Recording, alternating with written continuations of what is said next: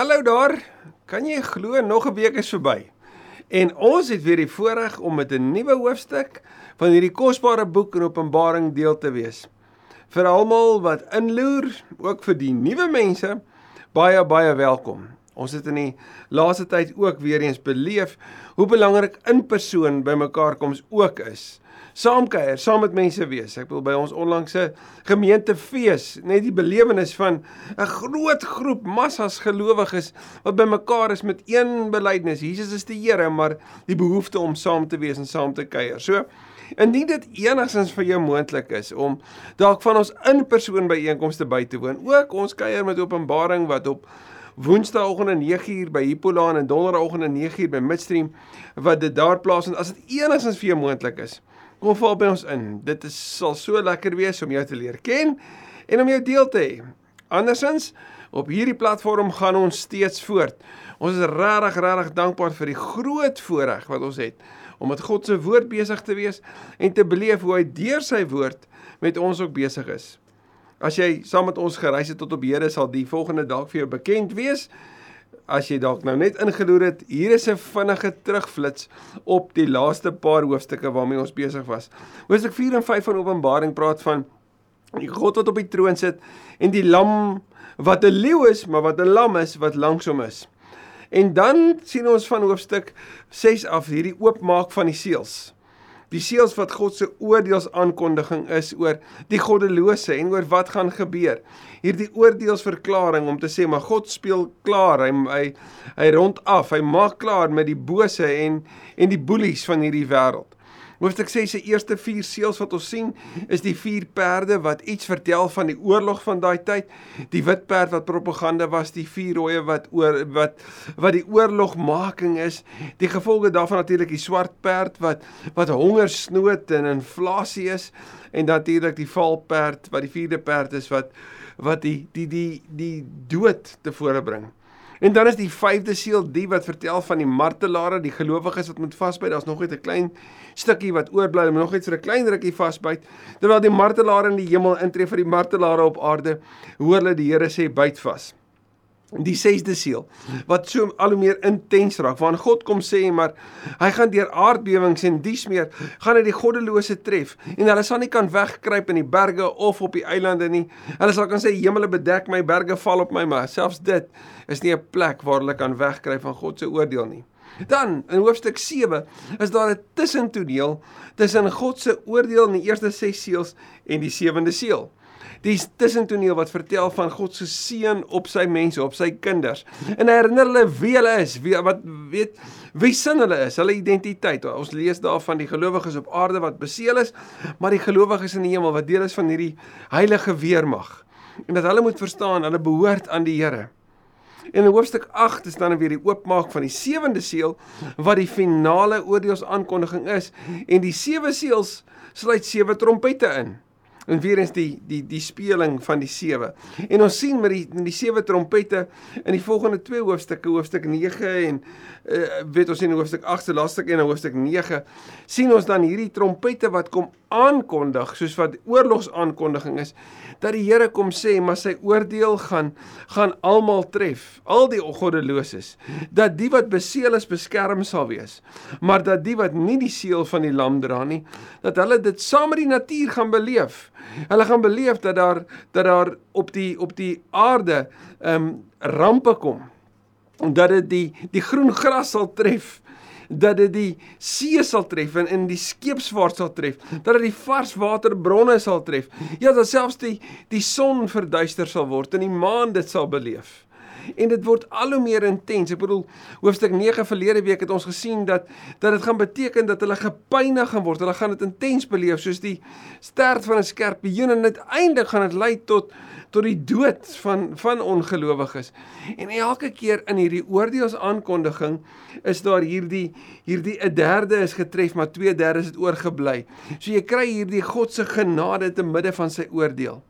En soos wat dan na die 6 seels 'n uh, tussentoneel was om vir die gelowiges te herinner wie hulle is, is daar in die sewende seël sewe trompette, maar ons het na 6 geluister en tussen die 6de trompet en die sewende trompet is daar weer 'n tussentoneel. En in plaas daarvan dat hierdie keer dit vir die gelowiges gaan vertel wie hulle is of nie in plaas van nie, saam met wat hulle klaar gehoor het wie hulle is, is die vraag nou wat moet hulle doen? So ek en jy sien dat vanuit hierdie wonderlike boek van Openbaring is daar hierdie konstante herinnering aan die gelowiges aan wie sin hulle is en wat moet hulle doen. Ek herinner jou weer net voordat ons bid, Openbaring beweeg tussen die hemelvaart en die wederkoms tussen die aarde en die hemel intussen hierdie tydslyne en hierdie ruimtes beweeg en speel die teks van Openbaring en neem dit jou en my op 'n reis na 'n plek toe wat ek en jy gaan beleef dat op sekere tye gaan jy kan sê maar hierdie klink vir my op 'n tweede vlak, 'n boonste vlak se betekenis maar jy kan dit ook sien op 'n ondervlak hier op 'n laer vlak hier op aarde En dis die heeltyd hierdie hierdie belewenis. Daarom is hierdie teks so wonderlik want ons teksture en verskillende invalshoeke waarop ek en jy nuwe waarhede kan ontdek. En ek bid ook so vir vandag. Maar kom ons bid saam. Dankie Here Jesus vir openbaring, vir die oopmaak van van die waarheid van die woord vir die aanmoediging en die vertroosting wat ons as gelowiges daarin vind dat dit juis nie 'n boek is waarvoor ons so weg te hardloop nie maar inteendeel nader getrek kan word tot dieper nadenke en belewennisse oor U. Ag en Here in hierdie tyd van van Paasfees. Hierdie tyd van die jaar waarin gelowiges regtig nadink oor oor die betekenis van die kruis, die stil Saterdag, die wonder van die opstanding en en die hemelvaart en die feit dat ons kan afwag met afwagting sit vir u koms. Weet ek wil u ons ook om bemoedig vandag met hierdie hierdie belangrike teks wat vir ons kom herinner waarmee ons ons moet besig hou. Mag ons dit ook hoor vandag in Jesus se naam. Amen. Openbaring 10. Die opskrif die klein boekie nou. Sommige sou sê dat van hoofstuk 5 tot hoofstuk 10 gaan alles oor die verhaal van die boekrol of van die boek. Toe het ek 'n ander engel, 'n sterke uit die hemel uit sien afkom. Hierdie mag dalk 'n verwysing wees na die engel van 1 vers 1 of van 22 vers 6. Die belangrike is net hierdie engel kom vanuit die hemel en hy's nou onder op aarde. Hy het 'n wolk om hom gehad en 'n reënboog bo kan sy kop. Dit herinner aan die een kant vir ons aan die teenwoordigheid van die Here, soos op Sinai, maar die reënboog weer eens die die beskrywing van die troon. So hierdie engel kom as dit ware om om vir ons iets van God te kom wys, om God te kom verteenwoordig. Ons gaan iets in hierdie engel sien wat wat vir ons kom herinner aan hoe glorieryk en glansryk die Here is wat hom stuur. Hy het afgekom en hy was 'n reënboog bo in sy kop. Sy gesig was soos die son en sy bene soos vier pilare. Nou as jy en jy gaan kyk na die Joodse beskrywings van engele in daai tyd, was dit nie so City of Angels wat ek en jy al ken wat dit mense is wat dalk vlerke aan hulle het nie. Ek bedoel Nicolas Cage uh uh nie regtig dit nie hoor magtige groot engele majestueus ek bedoel 30 meter hoog tipe tipe figure geweldige groot figure met mag om vir jou te kom sê maar maar die Here is nog magtiger as dit iets wat ons kom vertel van die magtigheid ook van die bonatuurlike en die wêreld waarvan ek en jy ook deur Christus reeds deel is so so hierdie hierdie in die Ou Testament gaan ons ook sien dat baie keer het engele God verteenwoordig en baie keer word daar ook vertel van die engel van die Here en dan is dit 'n beskrywing van die Here self. So, hierdie engel kom sê vir ons iets van hoe die Here lyk en wie hy is. In sy hand het hy 'n oop boekie gehad. Herinner ons 'n bietjie van die boekrol van van hoofstuk 5 vers 1 nie waar nie. Hy het toe met sy regtervoet op die see en met sy linkervoet op die land gaan staan. Nou iets hiervan kom vertel vir ons oor die almag van die Here wat bo op dit kom staan. Maar dit herinner ook ons van 'n standbeeld wat opgerig is in 280 voor Christus wat iets kom kom probeer versinne beeld het van die songod wat deur die Grieke aanbid is. Nou hierdie standbeeld staan bekend as die Colossus by Rhodos. En hy het 33 jaar lank gestaan op daai eiland en toe is hy deur 'n aardbewing verwoes. Maar die dele van die standbeeld is net so op die eiland gelos vir 900 jaar So in die tyd van Johannes sou die mense geweet het van hierdie standbeeld wat op hierdie eiland was wat eers iets versinne beeld het van die afgod van die songod wat aanbid was deur die Grieke en wat as ware op hierdie eiland kom staan van iets van die land en die see. Maar hier kom hierdie engel en hy gaan nie verwoes word nie. Hy kom wys die magsvertoon van wie die Here is. En hy het met sy linkervoet ag regtervoet op die see en sy linkervoet op die op die land gaan staan en met 'n harde stem uitgeroep soos 'n leeu wat brul. Nou wanneer die Here praat, sê Amos 1 vers 2 en 3 vers 8, dan klink dit soos 'n leeu. En toe hy uitroep, het sewe donderslae geantwoord. Nou in Psalm 29 gaan ek en jy iets sien van die geweldige krag en klank van die stem van die Here. En een daarvan in Psalm 29 is dat wanneer die Here praat, klink dit soos donder weer. En toe die sewe donderslae praat, nou net vas. Sewe seels waarvan die sewende seël sewe trompette het. Ons is nou net klaar met die sesde trompet. Ons is op pad aan die sewe trom, sewende trompet toe. En nou hoor ons net voordat ons daaraan beweeg, sien Johannes hierdie belewenis en nou is daar sewe donderslae. Dit kom herinner ons net weer oor die volledigheid van God se handeling. Kom vertel vir ons iets van die volledigheid van hierdie boodskap wat Johannes kry, maar oor die belangrikheid ook van dat ons sal luister. En toe die sewe donderslae praat, wou ek dit opskrywe, maar ek het 'n stem uit die hemel hoor sê Hou geheim wat die sewe donderslag gesê het, moet dit nie opskrywe nie. Nou in Daniël 8 vers 26 kan ek en jy hoor van iets van 'n geheimhouding van wat Daniël beleef. En ook hierin kom kry weet Johannes 'n bepaalde belewenis en die Here sê hou vas. Dis so as dit ware om te sê dis nog nie die tyd om dit bekend te maak nie. Dis nog nie die tyd om te hoor en te sê wat jy sopas gesien en gehoor het nie. Wat ons wel ook weet is al die ander dinge wat hy met ons deur tyd toestemming gehad. So daar's beide 'n belewenis van gesluierdheid, maar van openbaring in hierdie beweging. Vers 5. Die engel wat ek op die see en die land sien staan het, het toe sy regterhand na die hemel toe opgerig. Nou hierdie regterhand is 'n 'n 'n betekenis van 'n eed. Jy gaan in Deuteronomium 32 vers 40 dit lees. En hy het 'n eed afgelê by hom wat tot in alle ewigheid leef. En ons het in Openbaring 1 vers 18 gesien, dis so 'n beskrywing van die Here wat tot alle ewigheid lewe. En omdat hy 'n eed kom aflê as engel, weet ons ook dis nie die Here self hierdie nie. Hom wat in die hemel en wat daarin is, die land en wat daarop is, die see en wat daarin is geskep het. Hy kom lê eed af voor die Skepper van dit alles. Gelees Christus Johannes 1, Psalm 115, Openbaring 4 en Openbaring 14 meer hieroor.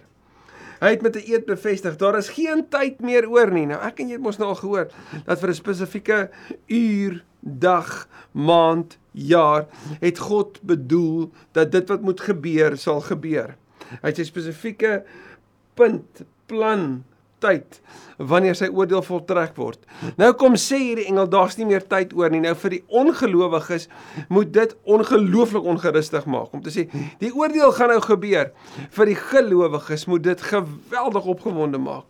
Ons sê die eindtyd het aangebreek, die eindoomblik het aangebreek. Dan sê hierdie engel daar het nie meer daar's nie meer tyd oor nie. So so hierdie spanningslyn wat al hoe meer opgebou het, al die pad van hoofstuk 6 af is op die punt om sy hoogtepunt te bereik. Hy sê daar's nie meer tyd oor nie. En en ons sien iets daarvan in Habakuk 2 vers 3. Gaan lees dit gerus. Waar hy sê maar maar dit wat kom, die Here se koms, die Here se antwoord, die einde, dit kom beslis en dis nou hier. Vers 7. Op die dag wanneer die sewende engel op sy trompet gaan blaas, sal God se verborgde bedoelinge met alles bereik word. Hierdie verborgde bedoelinge in die Grieks is die woord mysterion, dis waar ons die die woord misterie vandaan kry. En ons sien die onthulling van die misterie in iets soos Kolossense 1:26 wat kom sê dat God het die verborgde bedoelings, het Christus vir ons kom bekend maak. En wat is God se verborgde bedoelings? Is dit so 'n stuk misterie dat dit een of ander soos die gnostisie gesê het jy moet iets verstaan, iets weet? Nee, julle. God se verborgde bedoelings is dat ons in die regte verhouding met hom sal leef. Dat ons skoon gewas, rein, toegewyd aan hom sal leef en vanuit ons verhouding met hom so met mekaar sal leef. Dit was sy bedoeling van die begin af. Maar vir so baie is hierdie 'n geheim want hulle verstaan dit nie. Hulle snap dit nie. Hulle vat dit nie. So God se verborgde bedoelings sal met alles bereik word. Kyk mooi, soos hy die blye tyding aan sy dienaars, die profete bekend gemaak het. Die blye tyding, die goeie tyding, die evangelie. En ek het van die begin af gesê ons moet Amos saam met Openbaring lees. Dit sal ons so goed doen om Amos net die boek saam te lees. En jy gaan Amos 3 vers 7 juis meer hieroor leer. God se verborgde bedoelings. Hy het dit vir sy profete gesê. Trek die mense terug na my toe. Sê vir hulle moet draai na my toe. Sê vir hulle moet hulle goed laat laat staan en na my toe kom. Hoekom? Want by hom is daar lewe. Net die lewe. Sê Johannes 1 is die lig vir die mense want dis dis wat in Christus was. Lewe wat lig bring. Lig wat ons lei. Vers 8: Die stem wat ek uit die hemel gehoor het, het toe weer met my gepraat en vir my gesê: "Gaan kry die oop boek deur die hand daar in die hand van die engel wat op die see in die land staan." Weereens, die derde keer wat hy hoor, hy moet die boek gaan haal. En hierdie beklemtoning van die see in die land wat hy hoor, is natuurlik 'n beskrywing van die almag van die Here. En so in die verhaal van die boekrol van hoofstuk 5 tot 10 dan die volgende. Ek het na die engel toe gegaan en vir hom gevra om my die boekie te gee. Hy sê toe vir my: Neem dit en eet dit op. Nou so wat klink dit? Neem dit en eet dit op. Jy's reg. Dit klink soos Isegiel. En kan jy onthou wat het Isegiel gesê? Toe hy dit geproe het, was dit soos ja, heuning in sy mond en toe hy dit verteer het, toe was dit bitter in sy maag.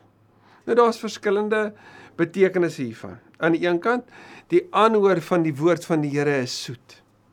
Om dit te hoor is soet om dit te gaan verkondig is soms bitter. Want vir mense om te hoor wat God se wil is, is nie altyd dit wat hulle wil hoor nie. Aan die ander kant, die aanhoor van die woord van God is goed. Om dit te verteer en te gehoorsaam is vir jou liggaam by tye bitter. Dit is soms swaar om die Here te gehoorsaam. Wanneer hy sê nee en alles binne in jou wil sê ja. Dit is swaar om met selfbeheersing van tyd tot tyd te leef vir die gelowiges van Openbaring kan die aanhoor van die woord van die Here bemoedigend wees. Maar die realiteit van om hom te gehoorsaam te midde van die wêreld kan dit vir hulle bitter moeilik maak. sien jy? Die diep betekenis en die verskillende lae, die leiers soos die Engelse dit sou noem, wat ons hierin ook kan sien van die betekenis hiervan. Neem dit en eet dit op. Dit sal jou maag bitter maak en in jou mond sal dit so soet wees soos heuning. Nou sien ons in 1 Petrus 4 vers 13 die groot aanmoediging wat gelowiges kry om te sê maar te midde van lyding, te midde van swaar kry, moet jy weet jy's word gelouter en dit is goed. Dit is genade as ek en jy die pyn van onverdiende lyding kan verduur en kan volhard agter die Here aan. Hoekom? Want Psalm 119 vers 103 sê dat wanneer jy die woord van die Here proe, wanneer jy dit inneem, is dit soos heuning in jou mond. Ja, Esegiel 2 en Esegiel 3 het Esegiel dit beleef. En net soos daar vir Esegiel gesê is hy moet dit eet en dit is hoe dit sal wees en dis hoe dit was, kry Johannes ook hierdie boodskap. Jy moet dit neem en jy moet dit eet. Ek het oor die boekie uit die hand van die engel gevat en dit opgeëet. Hy het dit met ander woorde volledig ingeneem, dit deel gemaak van sy binneste. In my mond was dit so soet soos heuning. So dit is waar dit vir die engel gesê het gaan gebeur, dit het gebeur. Maar toe ek dit insluk, het my insluk het my maag bitter geword. So tot nou toe het ek geproe. Nou hoor ek ek moet weer doen. Toe het hy toe het hulle vir my gesê jy moet weer God se boodskap verkondig aangaande baie volke, nasies, tale en konings. Nou nou wat moet hy verkondig? Die goeie evangelie. Maar wow wow wow ek is op Patmos. Ek is geïsoleer. Ek is in lockdown. Wat hoor ek by die Here? Hoor sy wil en gaan terug en gaan doen dit weer. Gaan vertel weer. Moenie stil bly nie. Dis amper soos soos Elia van ouds wat moet hoor maar draai in jou spore om en gemaak klaar wat jy tot nou toe gedoen het. Dit is om weer te verkondig, om weer moed te skep, om te gaan doen wat jy moet doen. Dis soos 'n Jona wat 'n tweede kans kry, wat weer na Ninive toe, toe moet gaan of steeds na Ninive toe moet gaan met God se boodskap. So wat kry die kerk? As jy by wyse van Johannes sou sou sou hoor. Ek bedoel Johannes skryf hierdie vir die universele kerk, daai van hoofstuk 2 en 3. Hulle kry die boodskap, hoor die woorde van die Here, woorde van aanmoediging. Ek bedoel woorde wat in hoofstuk 7 vir julle gesê het wie julle is. Julle is syne, die 144000, die die volledige getal gelowiges, Ou Nuwe Testament bymekaar. Dis vir julle is. So julle weet wie sin julle is. En nou hier in hoofstuk 10, onthou wat julle moet doen.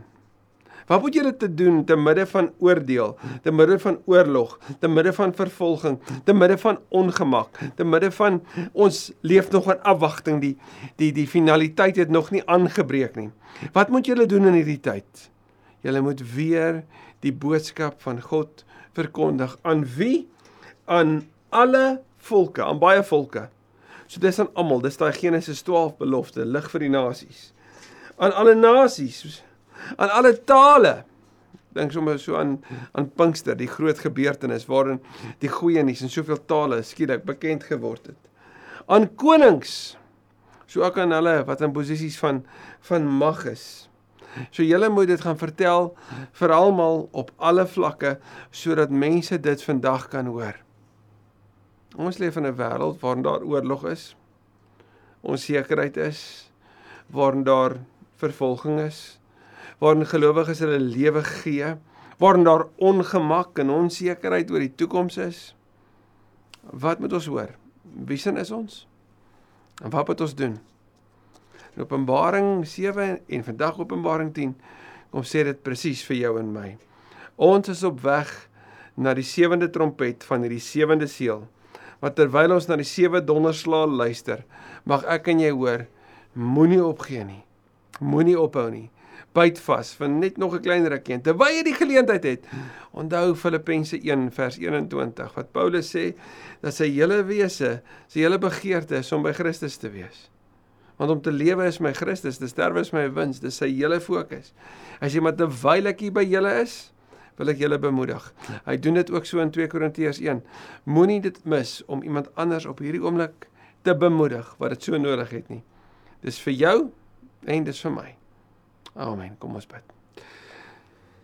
Here Jesu, wanneer ons hierdie bemoediging hoor, wanneer ons hoor dat om u woord te neem is soet, dan is hierdie 'n soete oomblik. 'n Soete oomblik van beleef, van bemoediging, aanmoediging, aanraking selfs. Maar ek weet wanneer ons hier uitstap en ons moet dit gaan doen, dan kan dit ongemaklik raak. Dit kan selfs 'n bitter gevoel gee. Nie omdat dit sleg is nie, maar vir ons liggame hier binne is dit uitdagend. Wanneer ons die goeie nuus vir mense vertel, weet ek Here dat dat om te verander nie maklik is nie. Dit kan selfs bitter swaar by tye wees. Want loutering is swaar. Maar dankie dat U ons ook hierdeur kom aanmoedig. Dankie dat U ons hier aanmoedig om U woord regtig volledig te neem. En dat ons kan weet, Here, dat daar 'n 'n ander maaltyd is waarin ons eet en drink, die nagmaal.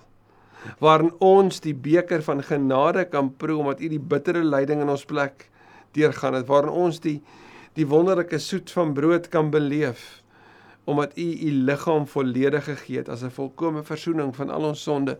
Mag dit ons vandag en van hier af vorentoe bemoedig aanmoedig en lei. In Jesus se naam. Amen amen. Ek hoop jy het 'n baie mooi week